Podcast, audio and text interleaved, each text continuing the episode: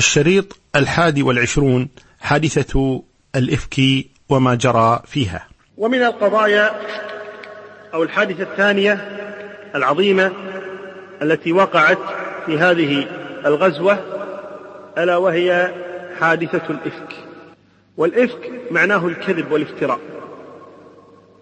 وهذه الحادثة سأقرأها من كتاب صحيح الإمام البخاري رحمه الله تبارك وتعالى. قال الإمام البخاري رحمه الله تبارك وتعالى حدثنا يحيى بن بكير قال حدثنا الليث عن يونس عن ابن شهاب قال أخبرني عروة بن الزبير وسعيد بن المسيب وعلقمة بن وقاص وعبيد الله بن عبد الله بن عتبة بن مسعود عن حديث عائشة رضي الله عنها زوج النبي صلى الله عليه وسلم حين قال لها أهل الإفك ما قالوا فبرأها الله مما قالوا. وكل حدثني طائفة من الحديث وبعض حديثهم يصدق بعضا وإن كان بعضهم أوعى له من بعض. هذه الحادثة حقيقة فيها عبر عظيمة جدا. ولعل الواحد منا عندما يقرأ يعني هذه الحادثة أن تنهمل عيناه بالدموع وأن يستشعر القصة ويحاول أن يكون حاضرا فيها بقلبه على الأقل وأن يستخرج منها الدروس والعبر. يقول الإمام الزهري رحمه الله تعالى الذي حدثني عروة عن عائشة رضي الله عنها أن عائشة رضي الله عنها زوج النبي صلى الله عليه وسلم قالت كان رسول الله صلى الله عليه وسلم إذا أراد أن يخرج أقرع بين أزواجه فأيتهن خرج سهمها خرج بها رسول الله صلى الله عليه وسلم معه. قالت عائشة فأقرع بيننا في غزوة غزاها أي هذه الغزوة فخرج سهمي فخرجت مع رسول الله صلى الله عليه وسلم. هذا فيه طبعا مشروعية القرعة بين الزوجات. يعني إذا كان للرجل أكثر من زوجة وأراد أن يسافر لا بأس أن يعمل قرعة بين زوجاته ومن خرجت لها القرعة خرجت معه. تقول فخرجت مع رسول الله صلى الله عليه وسلم بعدما نزل الحجاب. تقصد بعدما نزلت آية الحجاب. وأنا فأنا أحمل في هودجي وأنزل فيه. الهودج هو مثل الغرفة الصغيرة التي تجلس فيها المرأة وتوضع فوق الجمل فوق البعير. وتكون فيها المرأة حتى لا يراها أحد.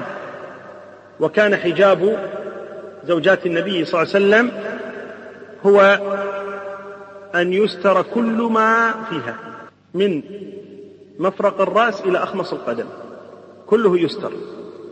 وهذا بلا خلاف بين أهل العلم أن زوجات النبي صلى الله عليه وسلم كن يغطين وجوههن وأما الخلاف الذي وقع بين أهل العلم في تغطية وجه غير زوجات النبي صلى الله عليه وآله وسلم وإن كان لا شك الأولى بالنساء المؤمنات أن يغطين وجوههن. تقول عائشة رضي الله عنها فسرنا حتى إذا فرغ رسول الله صلى الله عليه وسلم من غزوته تلك أي غزوة بني المصطلق التي ذكرناها الآن وقفل أي رجع ودنونا من المدينة قافلين. آذن ليلة بالرحيل.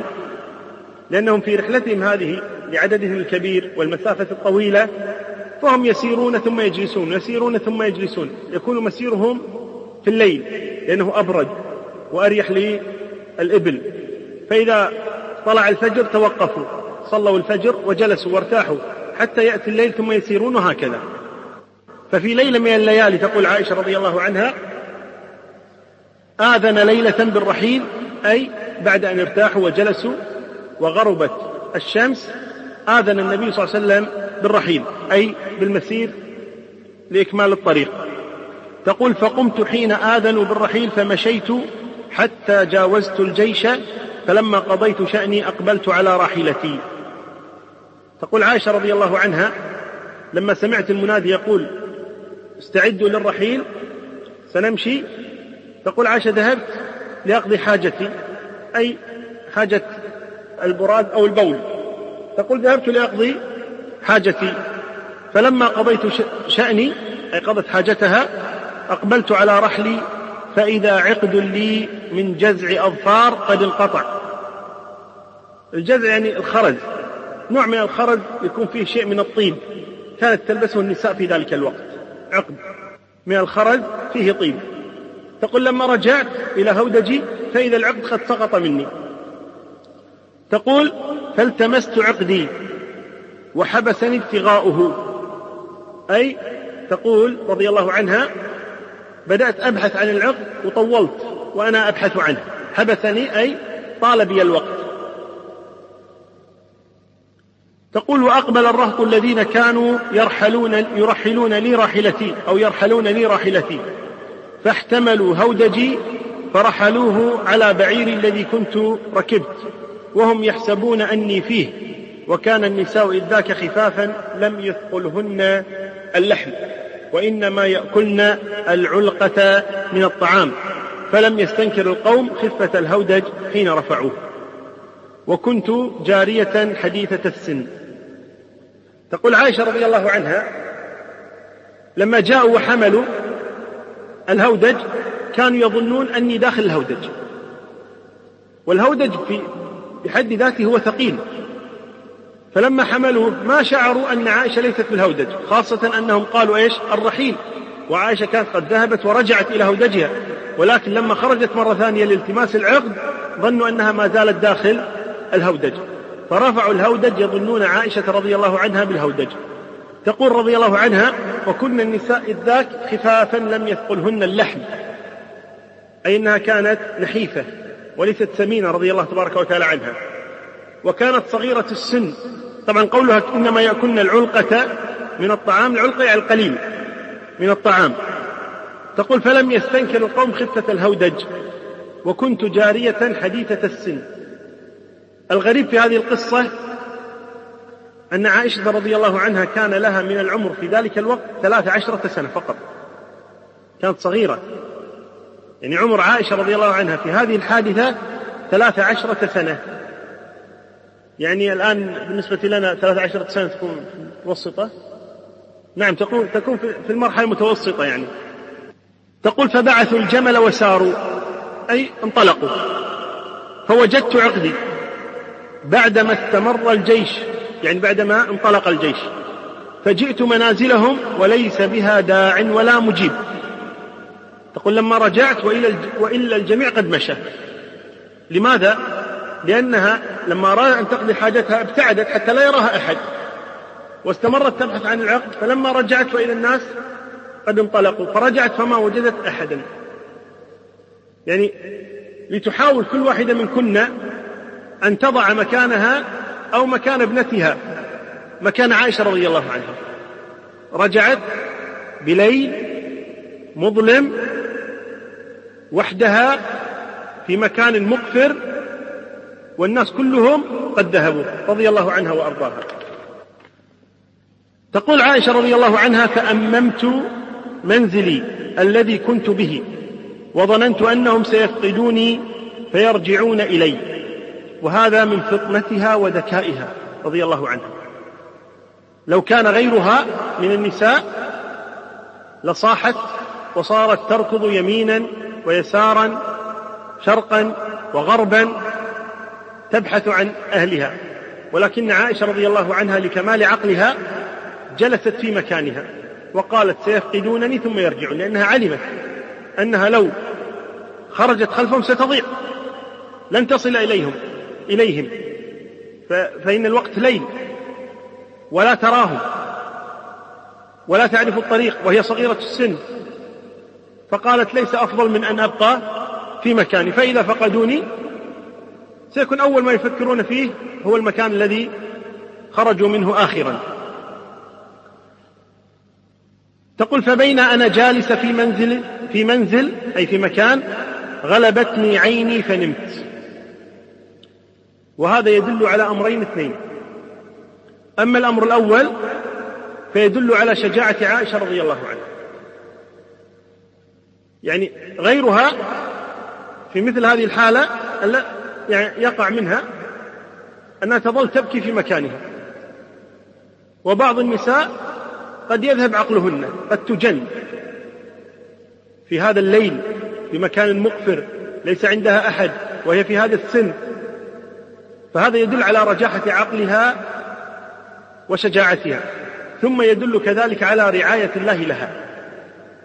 وذلك أن الله تبارك وتعالى ألقى عليها النوم حتى لا تبدأ تفكر في القوم وفيما سيأتي إليها من حيوانات أو أناس أو غير ذلك.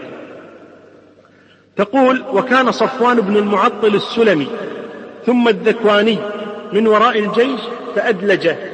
أي مشى بالليل. تقول فأصبح عند منزلي. لأن هي نامت إلى الصباح.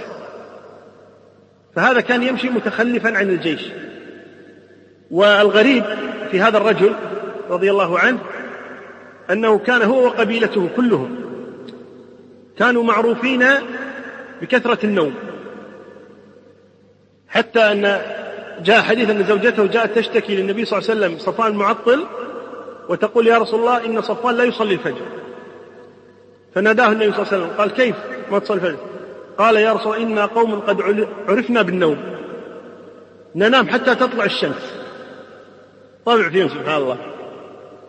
فالقصد أن صفوان المعطل كان متأخرا عن الجيش ولعله بسبب النوم. المهم أنه سار على طريقهم فوجد عائشة نائمة رضي الله تبارك وتعالى عنها في مكانها.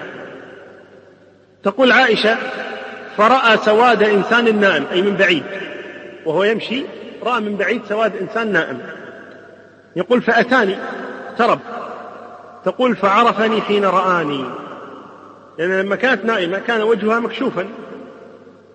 تقول وكان يراني قبل الحجاب. أي قبل أن يأمر الله تبارك وتعالى نساء الرسول صلى الله عليه وسلم بالحجاب كان صفوان قد رآها. فلما رآها الآن عرفها رضي الله عنها وأرضاها. تقول فاستيقظت باسترجاعه حين عرفني.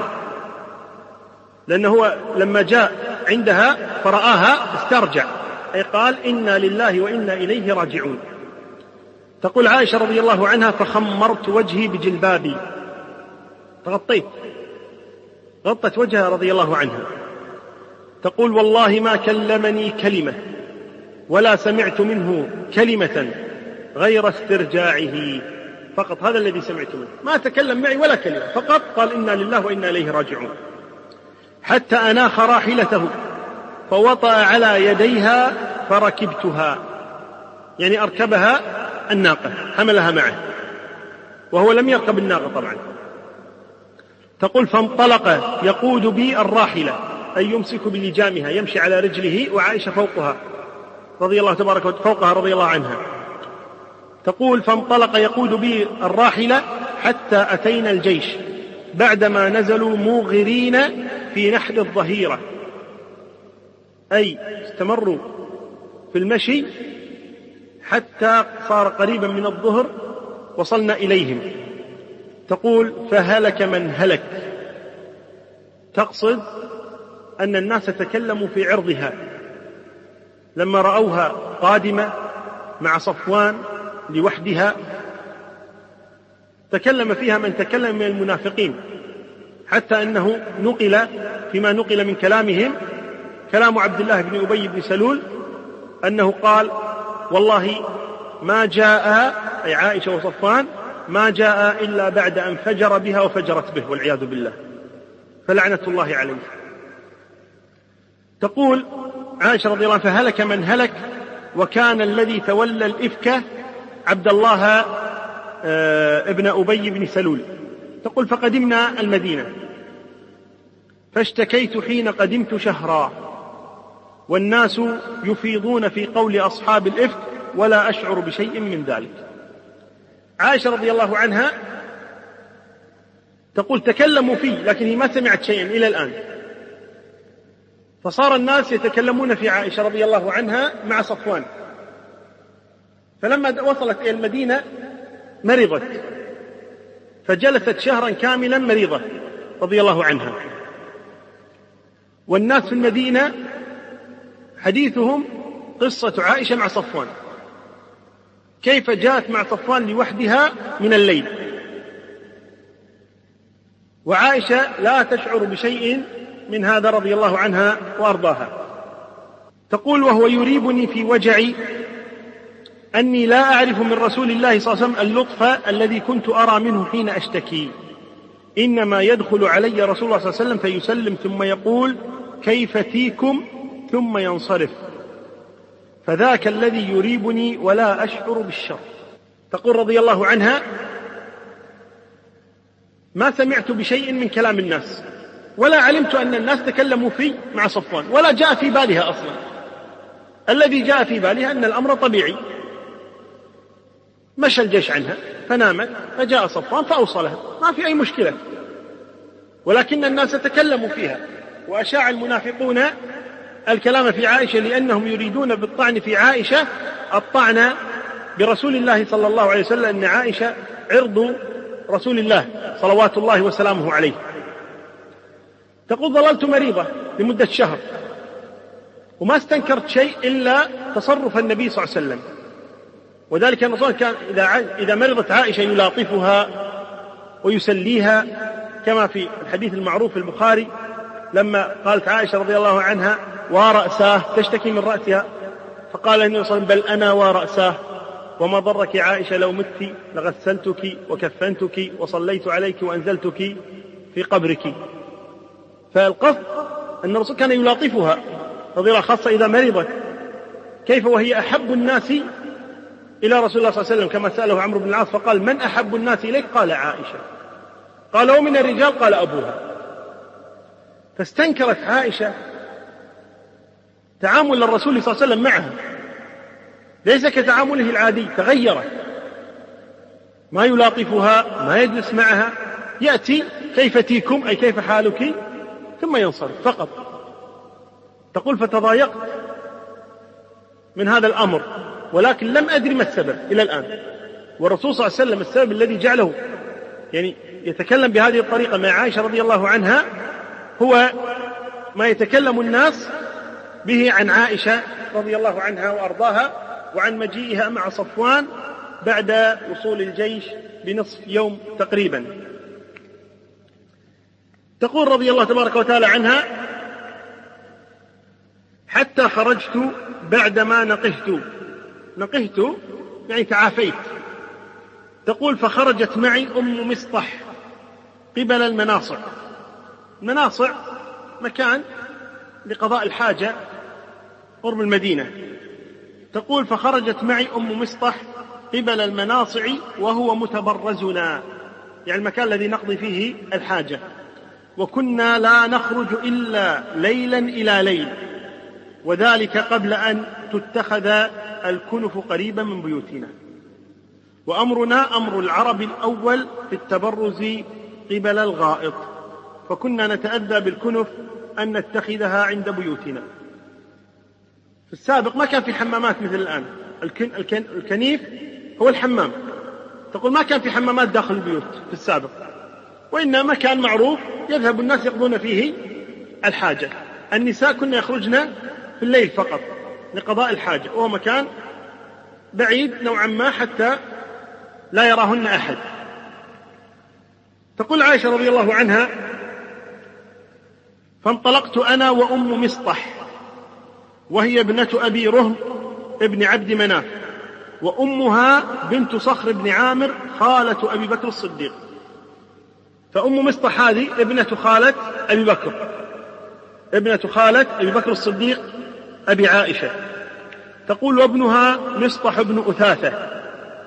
تقول فأقبلت أنا وأم مصطح قبل بيتي يعني بعد أن قضينا الحاجة وقد فرغنا من شأننا فعثرت أم مصطح في مرطها أي في ثوبها بغت تطيح يعني كادت أن تسقط. فقالت تعس مصطح يعني تمشي فلما كادت أن تسقط دعت على ولدها. قالت تعس مصطح فاستغربت عائشة. تقول فقلت لها بئس ما قلت. أتسبين رجلا شهد بدرا؟ كيف تسبين مصطح ولدك وهو قد شهد بدرا مع النبي صلى الله عليه وسلم؟ قالت أي هنتاه؟ هنتاه تقال للبنت المغفلة. هنتاه تقال للبنت المغفلة. وهنا اتهمت عائشة بالغفلة. يعني الناس الآن في المدينة كلهم يتكلمون في شأنك أنت مع صفوان وأنت ما تعلمين شيئا. ومصطح ممن تكلم فيك وأنت لا تدرين عن شيء. فكانت تقول أنت مغفلة. أنت ما تشعرين بشيء ما تدرين عن اللي يحدث. فقالت أي هنتاه أولم تسمعي ما قال؟ أي مصطح. قالت عائشة قلت وما قال؟ قالت عائشة فأخبرتني بقول أهل الإفك. يعني أنها اتهمت مع مع صفوان بن المعطل رضي الله عنه. تقول عائشة فازددت مرضا على مرضي. يعني لك أنت أن تتصوري. يعني لو كنت أنت مكان عائشة واتهمت في عرضك كيف تكون حياتك؟ كيف تنعمين بالحياة؟ يعني عائشة رضي الله عنها اتهمت الآن في عرضها وهي الآن نقهت من المرض. تقول فازددت مرضا على مرضي وأعز ما عند المرأة عرضها.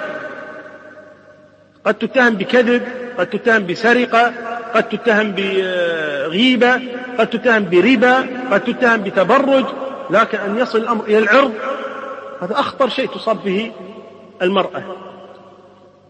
تقول فلما رجعت إلى بيتي ودخل علي رسول الله صلى الله عليه وسلم سلم ثم قال كيف تيكم يعني كالعادة ما تغير شيء من الرسول صلى الله عليه وسلم. لكن الذي تغير أن عائشة علمت السبب الآن.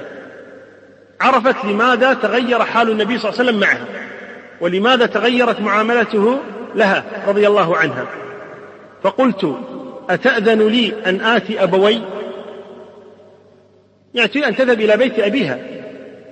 ونساء هذا الوقت الآن كثيرات منهن تذهب بدون أن تستأذن زوجها وهذا لا يجوز. مع أنها الآن عرفت سبب تغير النبي صلى الله عليه وسلم ومع هذا ما خرجت حتى استأذنته.